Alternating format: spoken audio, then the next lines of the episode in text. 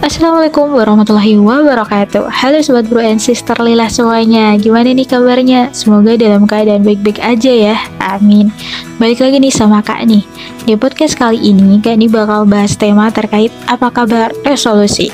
Nah teman-teman Tahun 2022 udah berganti aja nih Jadi tahun 2023 Teman-teman pasti banyak banget ya cerita yang udah terjadi di tahun 2022 tentunya tapi waktu nggak akan menunggu. Sudah ada lembaran-lembaran 2023 yang menanti untuk diisi dengan pengalaman dan cerita baru.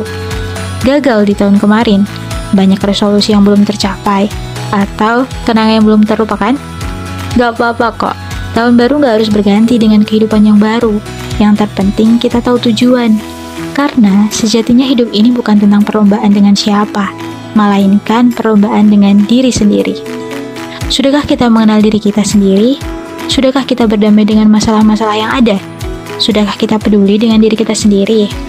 Jika belum, coba deh ingat-ingat lagi resolusi yang sudah ditulis dengan rapi. Resolusi hanya akan menjadi tulisan tanpa tujuan, dikala diri ini belum paham apa esensi dari kehidupan ini. Untuk itu, mari sama-sama kita benahi lagi. Gak apa-apa bertahap, tak perlu terburu-buru, karena hal baik akan terus menunggu dijemput dengan cara terbaik dari versi terbaik diri kita. Semangat untuk menjadi bermanfaat.